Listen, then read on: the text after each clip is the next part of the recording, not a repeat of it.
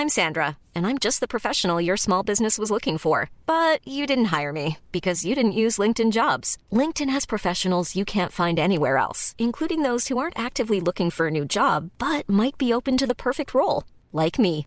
In a given month, over 70% of LinkedIn users don't visit other leading job sites. So if you're not looking on LinkedIn, you'll miss out on great candidates like Sandra. Start hiring professionals like a professional. Post your free job on linkedin.com/people today. Burrow is a furniture company known for timeless design and thoughtful construction and free shipping, and that extends to their outdoor collection.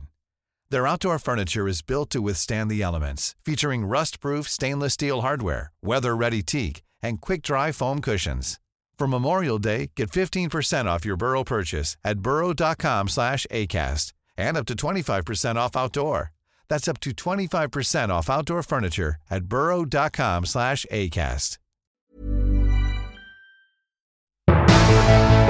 Kvinneklinikk ble lansert med pauker og basuner i Dagens Næringsliv. Hvorfor lar mediene seg bruke til slike lanseringer? Og hvorfor havnet nyheten om klinikken i Dagens Næringsliv i utgangspunktet? Var det så enkelt som at legen på klinikken er samboer med en redaktør i avisa? Det lurer vi på denne uka, og jeg heter fortsatt Svein Tore Bergestuen. Og jeg heter fortsatt Eva Sandum. Nja. Humor! Nei, altså, velkommen, Christian Lydemar Sander. Tusen takk, Svein Tore Bergestuen. Du er jo hjertet til stede stort sett alltid i podkasten, men da som produsent. Det er sant. Eh, og tidligere programleder. Tidligere medprogramleder, programleder. Hvor, Eh, hvor har du gjemt eh, Eva Sandum eh, nå? ryktene sier at hun er eh, i Aten. Ja, det er helt riktig. Og hva gjør hun der? Det kan jeg dessverre ikke kommentere. Nei, kjempebra kommunisert. så der er hun. Der er jeg, og der er jeg, derfor er jeg her. Ja, og Ja. derfor skal vi eh, stille noen spørsmål og forhåpentligvis få noen svar. Veldig. Om, om Jeg lurer jo, jeg, altså jeg føler meg litt privilegert som sitter her med en vaskeekte kommunikasjonsrådgiver. Ja. For det er jo en stor sak denne uken her. Eh, som jeg lurer veldig mye på, Ja. eh, og som lytterne også har lurt veldig mye på. Ja, og Det ene er eh, kommunikasjonen i dette, som er spennende. Vi skal snakke litt om det òg. Om det var god PR, eh, hva dette gjør med omdømmet. Men også hvordan denne journalistikken ble til. For dette var jo en nyhet som kom i Dagens Næringsliv. eh, Og ingen andre steder. eh, Og da kaller vi det ofte lanseringsjournalistikk. Så det skal vi snakke om.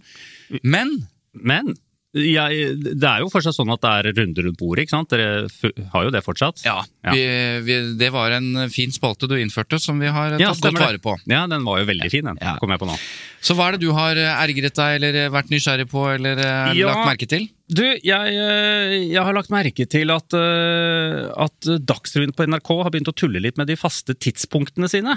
Ja vel? Altså, eh, Dagsrevyen 1900 er jo en slags sånn eh, norsk eh, Institusjon. Det er brunost, og det er Dagsrevyen 1900. Ja. Men så kommer fotball, og så rakner på en måte hele grunnfjellet. Oh. Og så endrer de tider. Og det samme også med, med Kveldsnytt, eh, sånn cirka rundt klokken eh, Det som skal gå 23.00 på Ja. NRK. Veldig ofte sånn kvart over 11, ti over 11, fem over 11. Det er ikke så farlig lenger. Og det Jeg merker at det er et skikkelig vanedyr, har jeg funnet ut av, rett og slett. Eh, ja, du rakk opp hånden? Ja, altså, Det er ikke så god radio. Nei.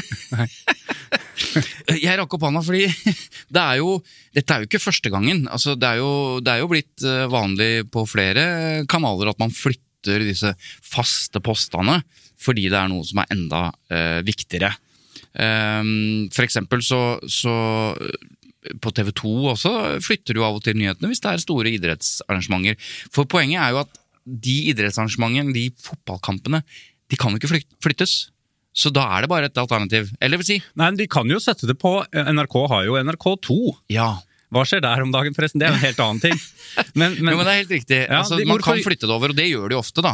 men altså, i det, dette så ligger det jo også en sånn vurdering av en viktighet her. Mm. Og, og, og um, så på et eller annet sted så sitter det jo noen og, og vurderer at da er det den store bautaen eh, 1900-nyhetene er ikke så viktig da. Nei, og Erfaringsmessig så, så er det veldig veldig få ganger at eh, NRK flytter Dagsrevyen. For det er som du sier, at de gjør det eh, primært på den måten at de sier nå fortsetter sendingen på NRK2.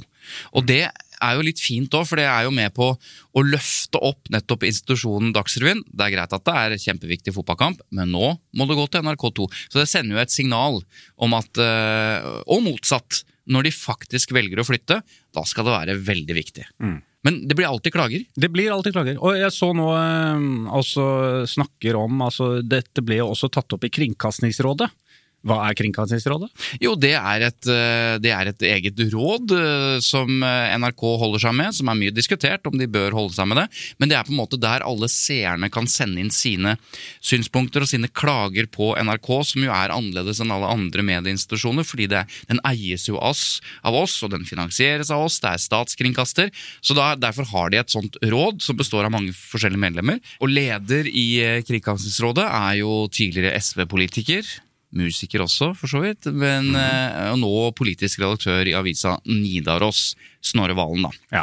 Så det, og det er medlemmer fra, som er, eh, innehar ulike eh, verv i, og jobber med ulike ting, som sitter i dette kringkastingsrådet. Og der ble denne saken tatt opp. Ja. Uh, og um, altså klagene som er kommet mot, uh, mot Dagsrevyen. At de bytter tid. Men, og da, da var um, Helsingen, TV-sjefen i NRK, Arne? Arne Helsingen, han var der for å eh, forsvare det. Så da, da, Hans argument her var jo at uh, han lager dette um, altså Nå var det kvinnefotballen som, uh, som tok plassen. Eh, så da, da laget han Argumentet var da at nå lager vi leirbolle for å, for å skape den fine stemningen Ja. rundt kvinnefotballen. Ja. Det trenger de. Så dette med leirbålet, det er jo det man klamrer seg fast til når det Ja. gjelder TV for tiden. Fordi at det er, det er fortsatt noen få store arrangementer som, kan, som har den eh, effekten, eller har den verdien, som gjør at alle samler seg og ser TV på likt på samme tid. Og når man har de arrangementene, så ja, da flytter man Dagsrevyen for å sørge for at alle gjør det. Er det lov til å tenne bål nå? Er, det, er vi ikke inne i perioden over eh, Nå er det snart over. Ja, det er. Eh, Jeg tror det. Da, man, nå kan du fyre bål. Ja, ok. Ja, eh, Svein Tore, har du eh, oppdaget noe, sett noe som du eh, reagerer, blir irritert på? Glad? Jeg har i hvert fall sett noe ganske oppsiktsvekkende. Okay. Det er en gammel forside fra musikkmagasinet Beat. Eh, altså en forside fra 1993. Altså snart Hva er det? Men, 30 år siden. ok, men Beat, var det en var det, Hva er det for noe? Hva var det? Det er et, eh, et legendarisk uh, musikkmagasin. Mm. uh, som uh, veldig mange skal vi si, kjente journalister og kommentatorer i dag var med i. Ja. Og den mest kjente kanskje var redaktøren for Beat den gangen. Eirik Mosveen, som har vært en gjest i Tut og Mediekjør. Tidligere VG-kommentator og journalist, politisk beist. Og som nå er kommentator eller politisk redaktør i, i Avisa Oslo. Han var redaktør. Og da han var redaktør, så satte han følgende forside eh, på trykk i, eh, i Beat. Metallica, ja til voldtekt! Utropstegn. Og den Oi. er jo frisk. ja, den er frisk. Eh, og det er jo Er det sitat? ja, det er uklart, ikke sant? For det står Metallica over hele forsiden, og så står det 'ja til voldtekt'. Riktignok ingen sitatstrek, Nei. Og kanskje var tanken at denne friske forsiden kunne stå seg på at det ikke var sitatstrek, for dette er nemlig ikke Metallica som er for voldtekt. Det ville vært svært oppsiktsvekkende. det ville for så vidt vært en stor sak. Ja. Nei, altså øh, den, Denne forsiden øh, er, er, ble slik fordi øh, det er journalisten som har vært på en konsert. Øh, og Mosveen uttalte øh, for lenge siden, beklaget den allerede det, det året, altså, men at dette var en subtil og beregnende tittel som er ment som en sjokkeffekt for å skjerpe interessen for bladet. Eh, og, det, og det er jo også konserten som er anmeldt her, da. Og det er altså en beskrivelse om opplevelsen av å se bandet live. Eh, så, så, det er, så derfor det kom en beskrivelse av dette, om det var som en voldtekt, da, det vet jeg ikke. Jeg har ikke lest det- hele anmeldelsen. Når var det dette sto på trykk? 1993. Ja, ok. Og så har det kommet opp nå via en som har løftet den fram igjen, da, nå på Twitter. For der løfter man Ja. jo fram gamle ting for å skape debatt. Så du sitter ikke og leser gamle 1993-forsider? Nei, eh, det gjør jeg ikke. Nei. Men jeg la, leste Twitter, da. Ja. Eh, og, så, og så sier eh, Eirik Mosveen i dag, så sier han, og dette her er Her kan mange lære, hvis du først skal beklage, først skal legge deg flat, gjør det ordentlig. Og han sier den burde selvsagt aldri blitt laget. Feil smakløs og idiotisk på alle tenkelige måter og nivåer, og min pinlige tabbe alene. Der har du, Den, der har du flat. det er flat. Men eh, Og, og, da, og liksom når, når journalisten, Fagbladet-journalisten som nå har skrevet om den saken, ringer til Mosveen for å få ytterligere kommentarer, som jo er litt uh, Ja, unødvendig når du har Kan du beskrive litt mer hva du ja, mener og, da, og da skriver uh, Mosveen i en SMS det er ikke mer å si enn det jeg skriver i den tweeten. Nei. Og det er jo ikke det. Altså, Men jeg, jeg syns jeg har lært litt av deg en gang at uh, man skal ikke legge seg helt flat. Man skal liksom ned i knes... Ned helt flat. Men så en liten vipp på tåen for at du liksom er på steget videre igjen. ja, her må vi ikke Her må vi skille snørr og barter. Fordi eh, skal man legge seg flat, så skal man legge seg flat. Okay. Spesielt hvis det er en beklagelse. Ja. Da må du ikke beklage at noen følte seg støtt, eller at noen oppfattet det slik. Nei. Det er veldig fristende, Ja, fordi ja. du mente det ikke sånn, og da bør jo ikke folk ta det slik heller. Nei. Men det er det vi kaller en halvveisbeklagelse, som veldig, veldig sjelden funker. Ja. Nei, det jeg mener er, når man legger seg flat, så bør beklagelsen være ekte, solid. Men altfor ofte så legger man seg flat for ofte. Og legger man seg flat for ofte, så kommer man ikke opp igjen. Nei. Så det går an å beklage, og likevel stå for noe. Ja. Altså at man kommuniserer begge deler, uten å ødelegge beklagelsen. altså. Mm. At man faktisk Grunnen til at man står der man står og mener det man mener, altså stå for noe, eh, og vise at man ikke liksom alltid bare 'Å ja, ja, ja, ja, jeg legger meg helt flat'. Beklag ordentlig, men vis samtidig at du står for noe. Det er det, er det jeg mener med å ikke liksom svømme rundt på gulvet, da. Ja, ja, ja. Ja, men det var en nyttig oppklaring. Og vi kommer jo tilbake igjen til å legge seg flat når vi skal snakke om uh, hovedsaken. Kan vi ikke bare begynne med den med en gang? Ja, kan vi ikke det? Jo. Du vet sikkert hva dette handler om, men la oss bare eh, raskt repetere. Eh, Pia Tjelta, Vanessa Rudjord og Synnøve Skarbø de skulle starte skjønnhetsklinikk, Mm. der de annet skulle drive med, og de skriver da fettreduksjon, rynke og hormonbehandling. Ja. Og jeg la spesielt merke til at de skal spesialisere seg på ikke-invasive kosmetiske behandlinger. Ja. Som, jeg vet ikke hva, Hva det er. Nei, altså Hvis det er ikke-invasive, så betyr det at invasive er noe annet, da. Ja. Men ikke-invasive, det er altså Det er- rynkebehandlinger. Så, så det er noe positivt? Eh, ja, Det- for noen er det jo det, eh, men altså såkalte fillere. Eh, hud og anti-aging og laser og hudfornyelse, da. Ja. Og dette har de investert 40 millioner kroner i. Eh, altså ikke, ba, ikke bare de, da, men eh, de har, og de har leid en 358 kvadratmeter stor, eh, stort kontorlokaler da, eh, på Frogner i Oslo. Mm.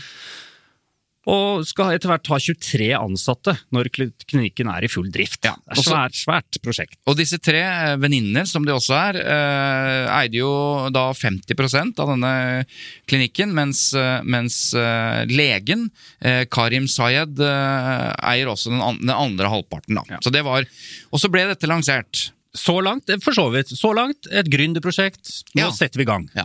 Kvinner som investerer, starter selskap og kjører på. Ja, så ble det lansert.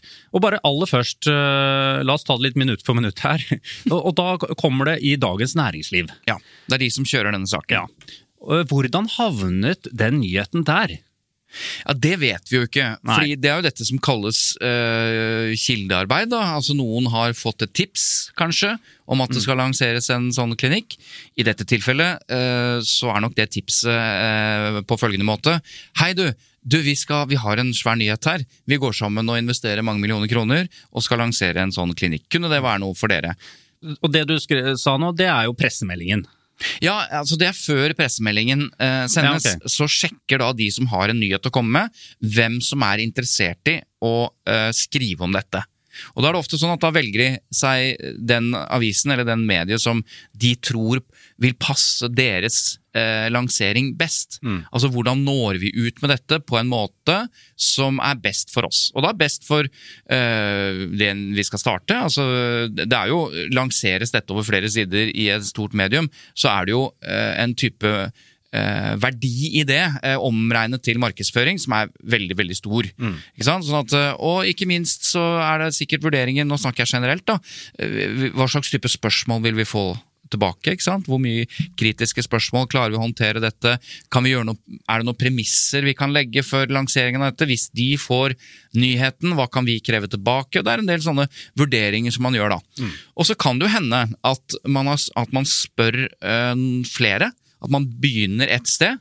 eh, og så får man kanskje et ja eller nei. Får man et nei, så går man da videre til neste medium.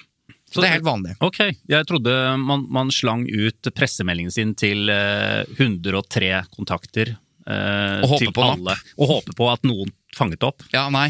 Noen gjør nok det, og hvis, de, hvis det er en sak som eh, du egentlig ikke har noe tro på at noen kommer til å uh, Nei, det er helt vanlig at du Ja. avtaler en eksklusivitet med et medium, Ja, okay. og så avtaler man samtidig da at når de har skrevet om den saken, så kan de sende ut en pressemelding, så resten av Norge får det med seg. Ja, okay, Ja. Og da, da er det ofte at den pressemeldingen sendes ut uh, rett etterpå, eller du avtaler med, med mediet. da. Mm. Liksom når kan det være greit at vi sender ut pressemeldingen etter en time etter at dette har stått i avisen? ja, akkurat. Ja.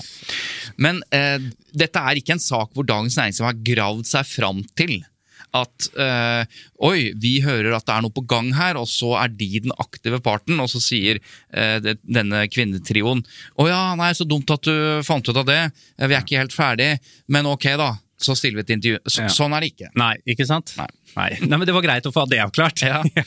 Eh, men vi har jo fått masse spørsmål om dette, Christian, Det til, til Tut og Mediekjør. Mm. Eh, sånn, er det greit med denne type lanseringsjournalistikk? Lar Dagens Næringsliv seg selv bruke her? Eh, det er også en binding her mellom denne legen og Dagens Næringsliv. Det skal vi komme litt tilbake til. Så det er en del spørsmål om hvordan journalistikken blir til. da. Så la Eh, meg ta da et lytterspørsmål. Ja. Er dette lanseringsjournalistikk? Ja, jeg kan godt svare på det, men Ja. kanskje enda bedre at eh, fagmedarbeider ved Institutt for journalistikk, Trygve Aas Olsen, en fast venn av podkasten, svarer på hva vi kaller denne type journalistikk. Den journalistikken har to navn. Det er lanseringsjournalistikk. Altså at det er et produkt som blir lansert i, en, i et rasjonelt medium. Og så er det nyhetsjournalistikk. Eh, fordi at dette var helt åpenbart en, en, en viktig nyhet for Dagens Næringsliv. Det ser vi jo i, av debatten etterpå. Det viktigste er at man må stille kritiske spørsmål. Sånn at det ikke virker som om man er en del av eh, en reklamekampanje for eh, dette produktet, eller hva det måtte være man skal omtale. Eh, det verste men er jo at, eh, at de to liksom, litt kritiske spørsmål som stilles til, til dette, denne klinikken, går jo til de tre damene. Og det er liksom sånn har, du, har du vurdert om dette har noe med skjønnhetstyranni og sånt? Nei, nei, nei, nei, det har det ikke. Og så, og så er det slutt på det, liksom. Det er ingen, det er ingen liksom kritiske røster som får komme til orde her. De andre som intervjuer er jo en annen kvinne som driver med eh, samme, i, i samme business, og han legen da, som, som liksom skal være faglig ansvarlig for dette. Det er det verste med saken, vil jeg si. Ja, Kristian, så, Ja. så han bekrefter jo dette at det er Det heter lanseringsjournalistikk når man er aleine om å lansere dette. Nei, altså han, han sier jo også at det er både nyhetsjournalistikk og lansering. Riktig. Ja. Og det er fordi at det er Det, nyhet. det høres jo litt sånn uh... Jo, men du kan si at hvis, hvis, uh, hvis noen ringer da og spør Nei, vi skal lansere en ny privat barnehage borti eh, her. mm. Ja vel. Uh, det er, kan dere være med på det? Vi trenger foreldre som flytter barna over i denne barnehagen vår. Ja, altså Hvis man lager journalistikk på det, så er det lanseringsjournalistikk av denne barnehagen. Ja. Men hvor er nyhetene her? Altså Det er ikke en stor nok nyhet at det bare lanseres en ny barnehage. Nei. Men at eh, noen svært kjente er viktig. Eh, Influensere, som er viktige viktig i denne, altså, i denne bransjen, da, kan man, kan man vurdere. Eh, at de satser masse penger på dette, er en, det kvalifiserer til en nyhet. Ja. Og Derfor er det også nyhetsjournalistikk. Ja. Men når det er lanseringsjournalistikk, så er Ås Olsen inne på at da må du stille kritiske spørsmål. Og det var han jo ikke fornøyd med her. Selv. Nei, altså det, det stilles ikke mange kritiske spørsmål. Det er de opplagte kritiske spørsmålene, men det er heller ikke bruk av andre kilder som, som stiller spørsmål ved denne businessen. da. Mm. Og så er det en annen ting eh, som jeg legger merke til, og det er jo at det som virkelig fikk fyr på denne debatten, Christian, hvilket ord var det?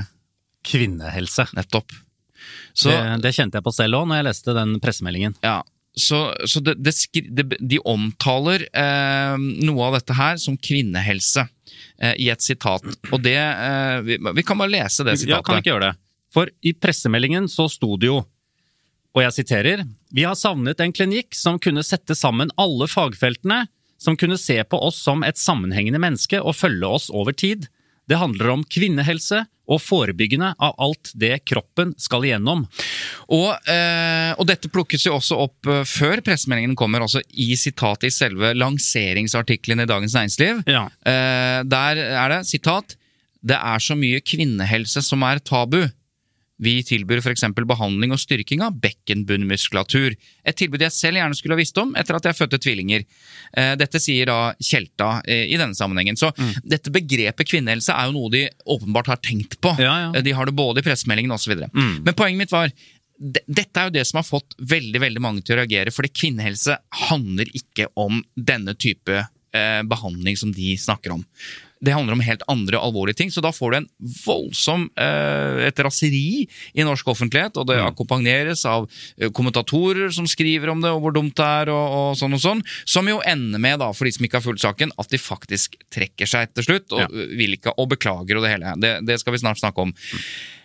Det blir ikke stilt noen kritiske spørsmål i DN-artikkelen om dette. Altså Når de lanserer dette og snakker om kvinnehelse, så, så er det ingen kritiske spørsmål rundt det.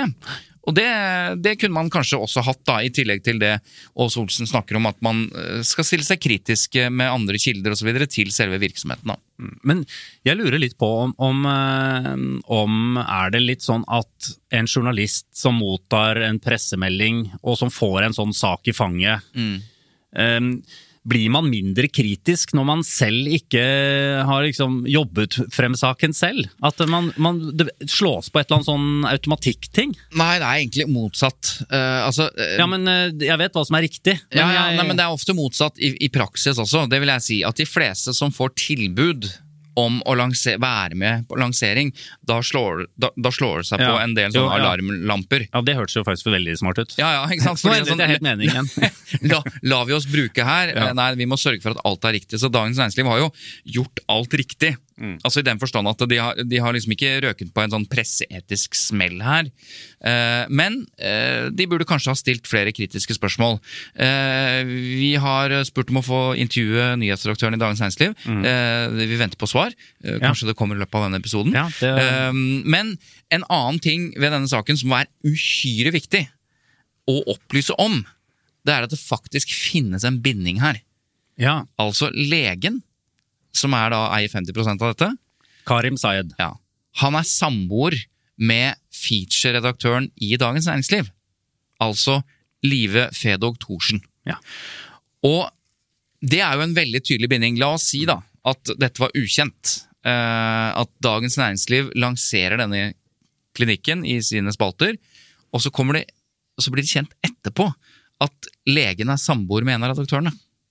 Men eh, jeg eh, fikk jo også med meg det, men der syns jeg jo eh, Dagens Næringsliv var ganske ryddig, for de skrev det nederst i saken. Nettopp! Og det er det de redder seg på. Altså, Ja. Det er helt 100 nødvendig Mm. at de skriver om den bindingen. Ja. Og, og på den måten så er det presseetisk på trygg grunn. Ok. Men, men ehm, er det Altså, hvor, hvor går grensen der? Altså, er det sånn Fordi Norge er jo så lite. Mm.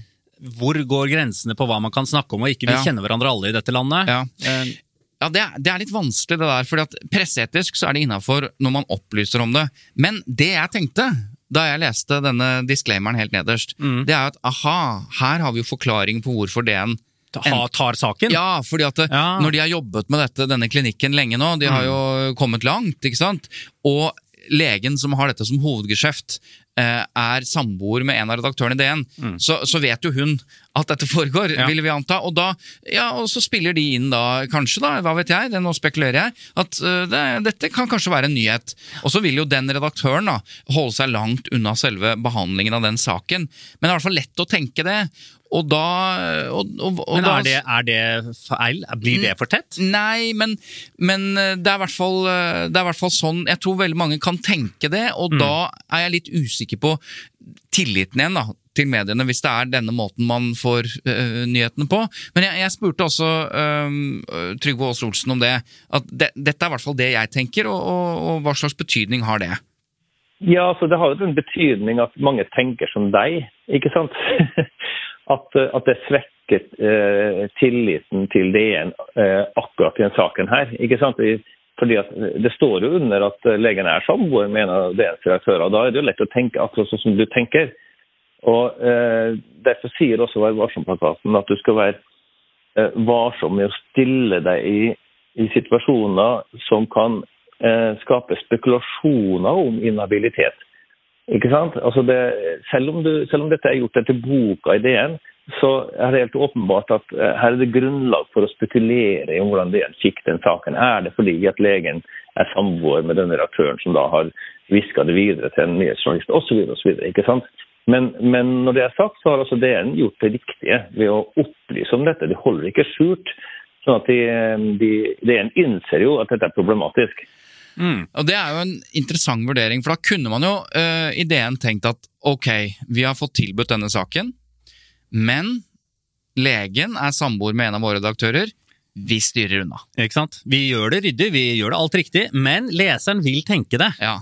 Uh, ja. Men, den men hvorfor det gjorde de ikke? Nei, så det må, det må vi høre med Dagens Næringsliv om hvorfor de ikke uh, bare la den saken bort. For det er jo som Trygve Aasvoldsen sier, når de først velger det, så er det ingenting som tyder på at, at dette er noe presseetisk brudd.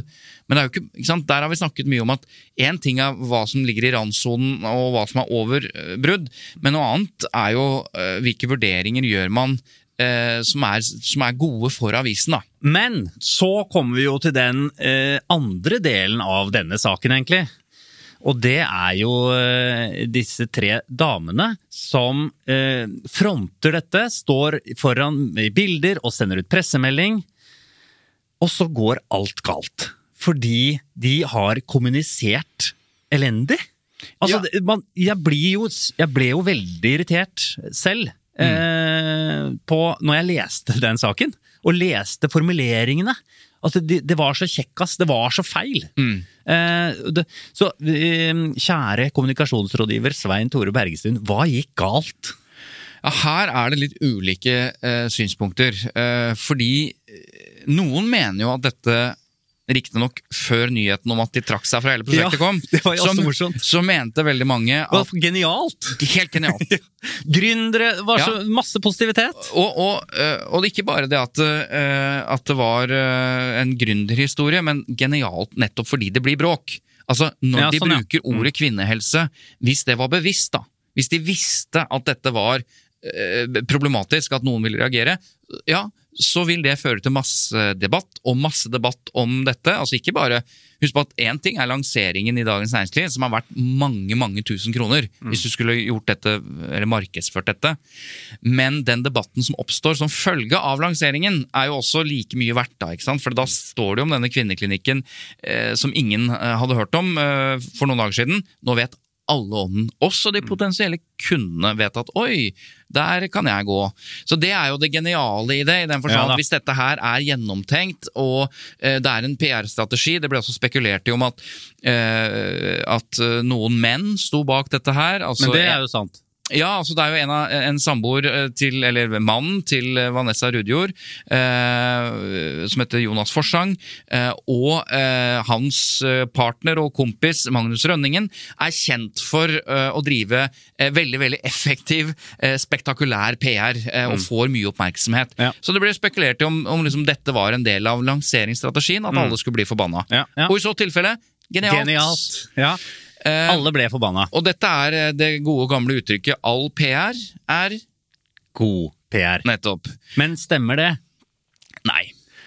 er, fordi man må skille mellom eh, noen valutaer her. Ja, okay. Altså Det ene er ren, ren, PR, altså det vi kaller eh, publisitet og synlighet, og hva man eventuelt skal bruke den til. Da må jo den synligheten kunne konverteres i slag på kassa.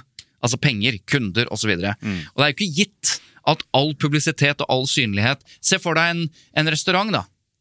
Som blir stengt, som blir stengt pga. dårlig uh, hygiene. Mm. Det, er, det, er, jo masse publisitet. Kanskje ja, Se for deg at en av de mest spektakulære La Maemo ble stengt pga. Uh, uhygienisk ja, all PR er god PR. Jeg vet ikke Nei. det. Nei, ikke sant? Så All publisitet er jo selvfølgelig ikke god PR.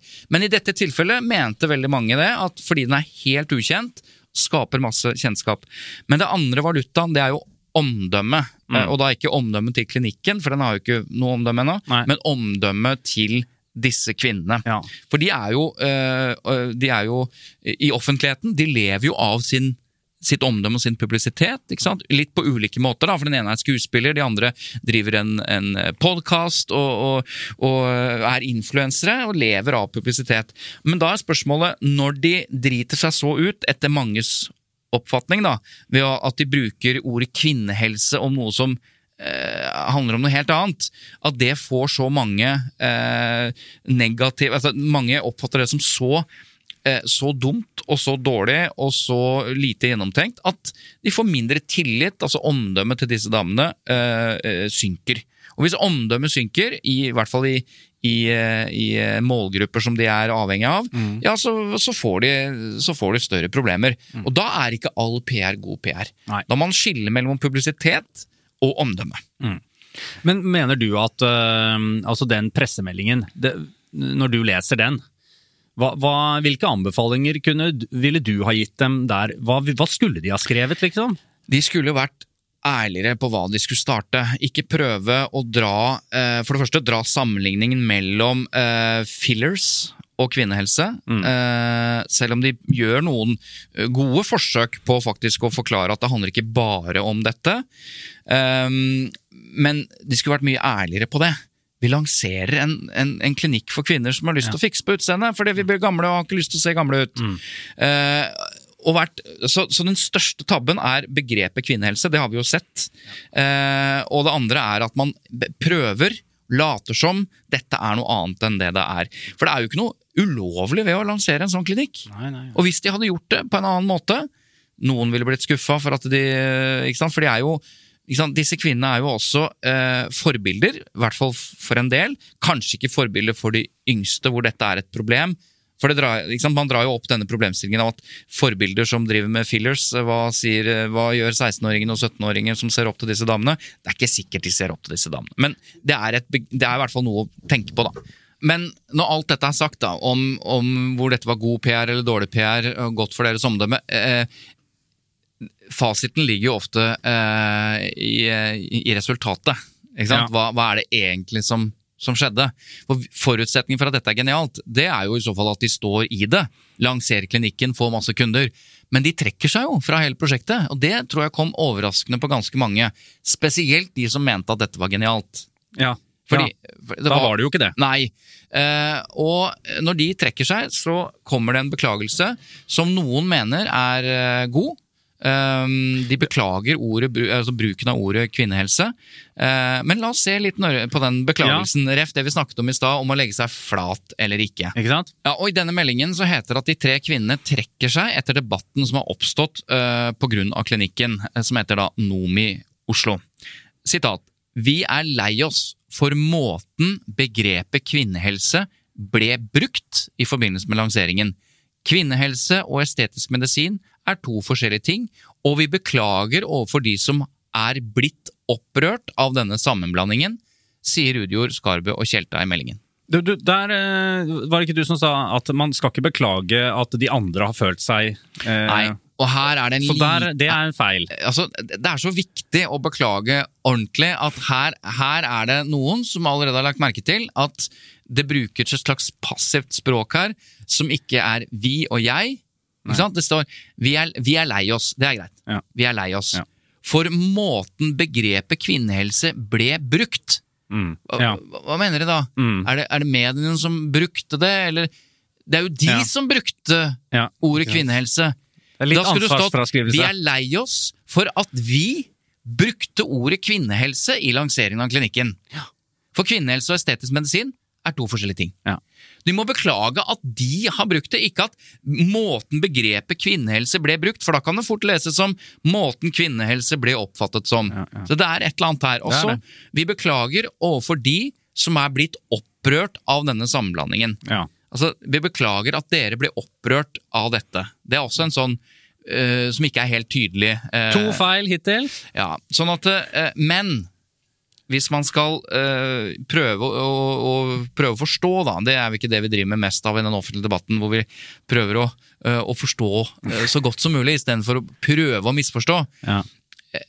de trekker seg. De the proof seg. is in the eating and the pudding, som det heter. De trekker seg fordi dette ble for belastende. Eh, og de beklager bruken av ordet kvinnehelse. Så hvis vi ser bort fra formuleringene, så, så må vi også se at dette er Dette hadde de ikke regnet med. De gikk på en smell, og de trekker seg. Det betyr at de selger eh, antageligvis da, alle sine aksjer og osv. Det er ganske Det har vært tøft, altså. Ja, ja, ja, ja, ja. Helt sikkert.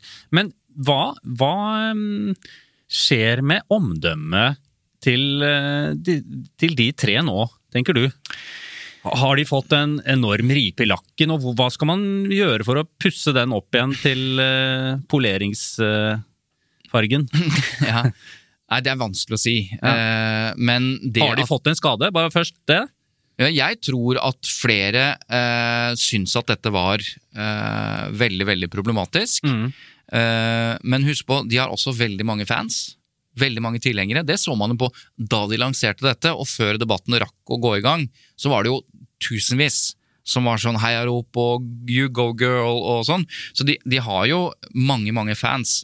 Og så er det sånn at eh, jeg tror mange ble, ble ekstra skuffa over Pia Tjelta, som jo er en veldig veldig dyktig skuespiller, og, og, som, eh, og som bare utvikler seg som skuespiller, ikke sant? eh, vil mange mene. Hun har fått vanvittig flotte kritikker for jobben sin. Og det at hun blir med på dette, tror jeg kanskje var den største på en måte smellen. da. Det at Det var det. Det var noe med også, fordi de siste rollene hennes også har vært veldig sånn Ja. Veldig utrolig uh, Utrolig kvinner som har gått gjennom så mye i sitt liv. Ja. Det var så tyngde i det. Og så skal jo selvfølgelig ikke Pia Tjelta måtte stå til ansvar for rollen hun spiller, men, men, nei, men det er et eller annet med hele inntrykket. Da. Ja, Ja. Og, og jeg tror det var liksom den største skuffelsen, kanskje. At, at hun brukte ordet kvinnehelse om skjønnhetsklinikk.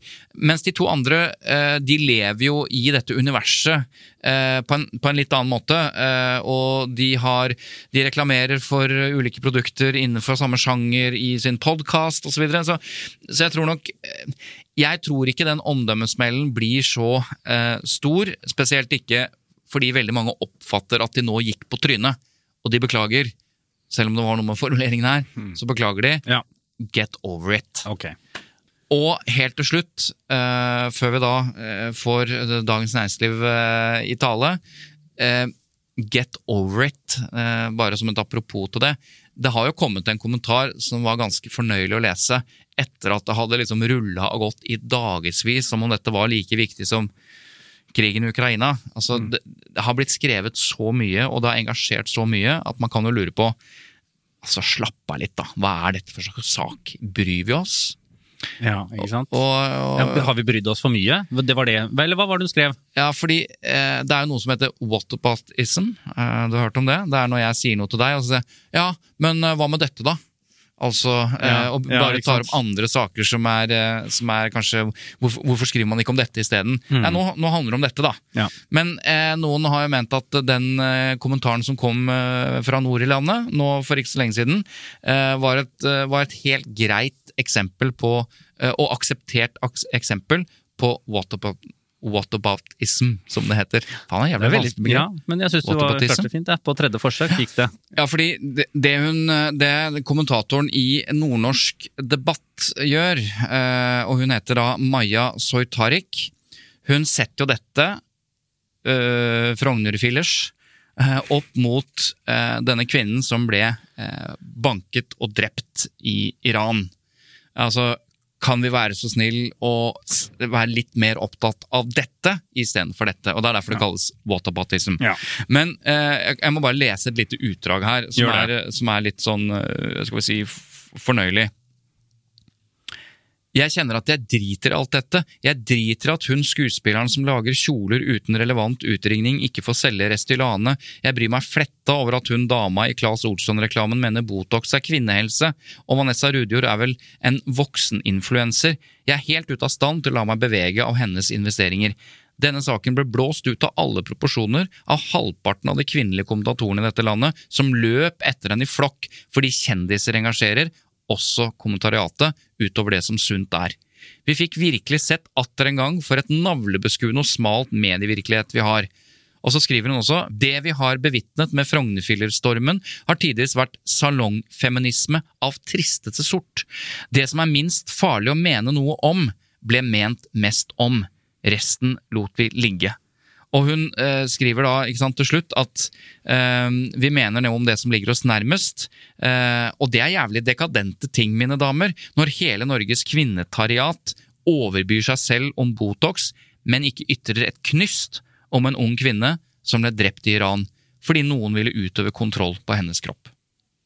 Det er jo Det er jo bra, men jeg, altså jeg syns det var veldig morsomt og veldig bra skrevet. eh, Og mye gode poenger. Men samtidig også, så var det jo mye bra som, ble, eh, som kom opp i debatten rundt det. det altså med hvor viktig kvinnehelse er. Folk satte i gang eh, eh, em, spleiselag. Mm. Og, så, så- og um, Sanitetsforeningen er jo sikkert rørt til tårer av at de faktisk har blitt satt på kartet. Ja, det er laget nyheter om de Ja. foreningene som jo jobber med eh, kvinnehelse. De har fått masse oppmerksomhet og penger osv.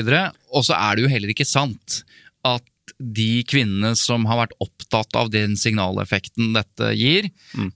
Eh, ikke er opptatt av eh, kvinnen i Iran. Nei, Altså, det det, vet vet vi i hvert fall ikke. Jo, men Det vet jeg, og det finnes jo eksempler på eh, kommentatorer som har skrevet om begge deler. Så det at det ikke er et knyst om, det er jo en spissformulering, men, men allikevel eh, Det er jo på en måte et, et poeng, i hvert fall det er en observasjon, at, eh, at man løp i flokk. eh, og så var det noen som prøver å være en slags motstemme til dette også, da. eh, ved å si at eh, hei, hei, eh, dette, vi må se på helse i et større sammenheng. Altså Hvis folk føler seg bra av å, å fikse på kroppen, så er helse det er jo en blanding av både hvordan du har det, hvordan du føler deg, hvordan du faktisk fysisk har det. Så, Men den drukna litt, da. Det var ikke så lett å komme til ordet der, for det var en voldsom marsj Det i den ene retningen. Ja.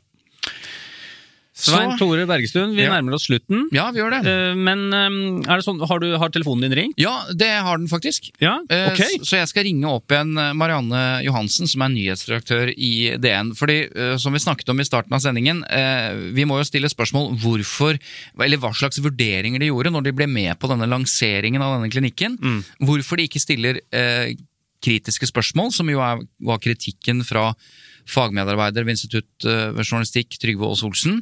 Um, og eh, dette med bindingen da, som vi snakket om, ikke sant? burde de ha latt være å skrive om denne saken, siden legen er da samboer med en av redaktørene i, i DN. Og her er det hun svarte. Ja, Vi syns dette er en åpenbar nyhetssak. Eh, at det er tre så profilerte kvinner som blir gründere av en skjønnhetsklinikk. Det er eh, både oppsiktsvekkende og interessant, syns vi. Eh, og DN skal være best på gründerstoff. Eh, dette her er en stor etablering i en bransje som er i kraftig vekst, og som vi har skrevet om flere ganger tidligere også. Eh, Så vi var ikke i tvil når tre så profilerte kvinner etablerer seg i det markedet. Så var det en nyhet som vi veldig gjerne ville ha. Samtidig så kalles dette lanseringsjournalistikk, fordi det åpenbart er, eh, selv om det er en nyhet, så er det jo noe dere eh, er med på å lansere. Og det har en stor verdi for gründerne at de blir kjent, at dette produktet og denne klinikken blir kjent. Hva er det viktig å tenke på når man blir en del av en lansering, enten av en klinikk som dette eller av andre produkter, til tross for at det da er nyheter? Ja, altså eh, vi, eh, vi lar jo ikke være å omtale nyheter, eh, selv om det kan gi god PR for noen. Når vi tar stilling til hvilke saker vi skal omtale, så vurderer vi jo nyhetsverdien av saken. Om leserne vil være interessert i det vi omtaler. Og i dette tilfellet her så mente vi at nyhetsverdien var nokså opplagt.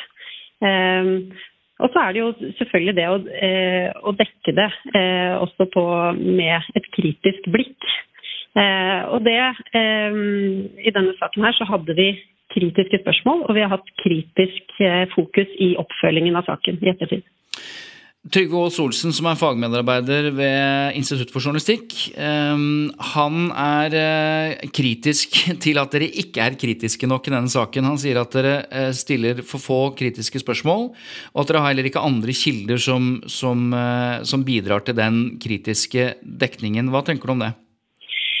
Jeg syns det viktige her er å se på hvordan DN totalt sett har dekket denne saken. Vi var jo da først ute med nyheten som har skapt voldsom debatt. Eh, det var kritiske spørsmål i den første nyhetssaken. Blant annet så ble det stilt det sentrale spørsmålet om eh, de som etablerer denne klinikken er med på å utnytte skjønnhetstyranni i samfunnet.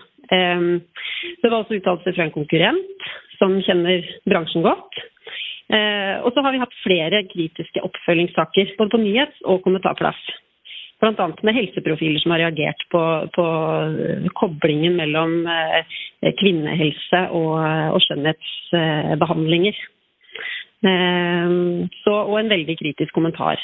Eh, så jeg tenker at jeg er ikke enig i at DN har dekket dette her på ukritisk vis. Tvert imot, jeg syns vi har dekket det med kritisk blikk.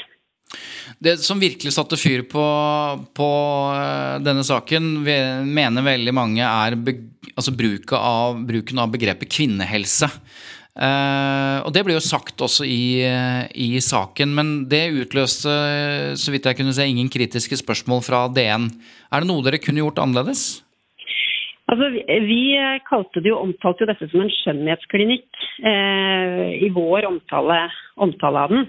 Det var Pia Skjelta i vår sak som brukte ordet kvinnehelse. Eh, eh, og det siterte vi henne på. Eh, ja, Men dere stilte ikke noe oppfølgingsspørsmål på det? Det ville vært naturlig kanskje å si at hvis dere kaller dette kvinnehelse, eh, hvordan kan dere gjøre det? Kvinnehelse handler vel om andre ting? Kunne det et spørsmål vært da? Så Spørsmålet er egentlig hvorfor dere ikke problematiserte eh, bruken istedenfor bare å sitere henne på det? Ja, altså Akkurat i det sitatet fra Pia Tjelta så snakket hun vel om, eh, om Beckenbunds-trening. Eh, men, men det, den sammenkoblingen mellom eh, kvinnehelse og skjønnhetsbehandlinger, eh, som jo, eh, som jo eh, de har valgt at altså, De har jo valgt at klinikken skal drive med begge deler. og, det, og det aspektet, det å Eh, og de kritiske reaksjonene på den koblingen mellom de to tingene, eh, det dekket jo vi i oppfølgingen av, saken. Og det tenker jeg var helt, eh, helt greit å gjøre sånn. Hvis jeg skulle, hvis jeg skulle ønska noe annerledes, så er det at vi hadde vært tidligere ute med noe av de kritiske reaksjonene, den kritiske oppfølgingen som vi hadde. Mm. Um, fordi, uh, for da tror jeg også at uh, altså Hadde vi vært kjappere ute med det, så tror jeg også at det hadde vært lettere for flere å se helheten i, ideens DNs dekning, som totalt sett har vært eh, kritisk. Du, Det er jo nettopp dette med kvinnehelse som, som fikk i hvert fall veldig veldig mange til å reagere. Og det endte jo da faktisk med at de trakk seg fra hele prosjektet. Eh, mange kalte jo dette en sånn genial lanseringsstrategi. Det å provosere fram så mange motstemmer for at alle skulle, skulle få det med seg. Men, men, de endte jo da opp med å trekke seg fra hele, hele konseptet. Eh, hvor, hvor, brennbart eh, så du for deg at dette kunne bli, når du nå vet resultatet? Ja, jeg må være ærlig og si at jeg ble overraska over hvor, hvor hvor sterke reaksjonene ble. Jeg leste saken før publisering, og jeg så jo at den inneholdt uttalelser som var egnet til å provosere. Så jeg var ikke overraska over det, men at det ble såpass massivt, det, det, det forutså ikke jeg på forhånd. Helt til slutt, helt til slutt. Jeg tenker jeg sier jo noe i, i podkasten uh, på spørsmål om hvordan denne saken ble til. Eh, og da uttaler jeg meg litt sånn på generelt grunnlag at eh, denne type lanserings- og nyhetsjournalistikk, altså lanseringer som, har, som, som, åpenbart kvalifiserer til nyheter, det er som regel ikke gravd fram av redaksjonen. Det er ikke sånn at noen i Dagens Næringsliv fant ut dette eh, og så begynte å ringe. Her, i veldig mange tilfeller, så er det Eh, så er det kildene selv som henvender seg og, og, og, lurer på om dette kan være interessant for Dagens Næringsliv. Og det kan godt hende de da har snakket med andre redaksjoner, det vet man jo ikke. Ehm, kan du si noe om hvordan prosessen her var? Eh, jeg går liksom ikke inn på akkurat hvordan, eh, hvordan, denne saken kom til, men det jeg kan si er at den, den ble jo til på helt vanlig journalistisk måte. Altså Det er jo som regel eh, tips eller kontakt med kilder som utløser eh, som, som, Det er jo ofte på den måten at eh, den type saker eh, dukker opp. Mm. ja. Jeg skjønner at du ikke kan gå helt konkret på det, men grunnen til at jeg spør, er jo fordi at dere har en disclaimer eh, eller en opplysning helt nederst i saken, hvor det står at legen, som jo eier eh, halvparten av den klinikken, eller som er en av initiativtakerne, også er samboer med en av deres redaktører. Og Det er jo viktig å opplyse om, derfor gjør dere det. Det kan jo få noen til å tro at eh, det var derfor også Dagens Næringsliv ble gjort kjent med den saken, eller ble tilbudt denne saken. Eh, hva sier du til de som eh, trekker den slutningen? Ja, det, det kan jeg avkrefte. Eh, Altså eh, eh, Fiks-redaktør hos oss, Lise Sæther Thorsen, som er samboer med eh, Karim Sayed, eh, har jo selvfølgelig ikke hatt noen ting med denne saken å gjøre overhodet. Det var nyhetsredaktør i Dagens Næringsliv, eh, Marianne Johansen. Nå må vi være litt ærlige her, Svein Tore. Ja. Dette her, vi, vi vet faktisk ikke hva hun svarer. Jo, jo, vi vet alt hva hun svarer. Nei. Eller jeg, jeg, jeg hadde en, en, en eh, oppfatning av hva hun kommer til å si, men, men siden det, dette intervjuet er jo spilt inn etter at vi nå snakker, Ja, ikke sant? så vet jeg jo strengt tatt ikke hva som ble sagt. Det er det. Så da kommenterer vi bare det. Ja, vet du hva? Det var godt at hun la seg helt flat. Ja, Veldig overraskende at hun, at hun mente at de aldri burde skrevet denne saken. Ja, Ja. Og sånn lages jo av og til eh, journalistikk, for vi, vi hadde jo egentlig håpet at vi skulle snakket med henne før vi, vi snakket om denne saken, men, Mm. men nå, kommer det altså, nå kom det altså nå. ja. Så da, da får hennes kommentar stå der. Eh, Ukommentert. ukommentert fra oss, eh, men, men eh, da har vi i hvert fall fått eh, henne i tale. Bra jobba, Svein Tore. Takk. Ja. Da er vi eh, på tide å ønske velkommen til denne polk... Nei. ja, da, jeg heter Eva Sandum fortsatt. Eh, Eva Sandum er forhåpentligvis tilbake neste uke. Det, det regner jeg med. Ja, bra. Eh, og du heter, hva var det igjen? Svein Tore Bergestuen. Ja, fint. Og jeg heter Christian Marstrander. Ja, og du produserer jo denne podkasten som heter. Tut og Mediekjør. I Lyder Produksjoner. Ja. Men det vi er glad for, er at eh, dere fortsetter å sende inn kommentarer og spørsmål og kritikk og ros og ris og alt mulig. Tusen takk. Vi Det lager vi jo, altså, du og Eva og noen ganger jeg lager jo dette for du som hører på. Ja. Så tusen takk. Så da ønsker vi velkommen tilbake om en eh, uke, og så Hva skal vi si? Ha en fin helg. Ja, eller liv. Ja, det var voldsomt. Takk for at du hører på.